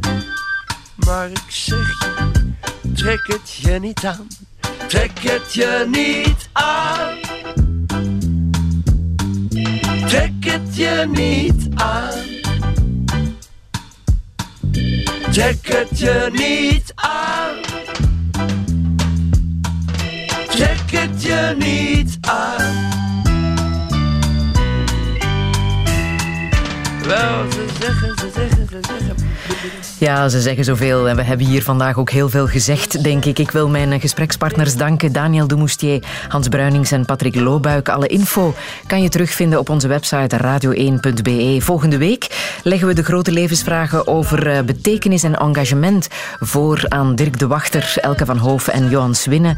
En check ook even de website voor de speellijst van de theatertournee rond de grote levensvraag. Misschien zitten we ook nog in jouw buurt. Radio 1.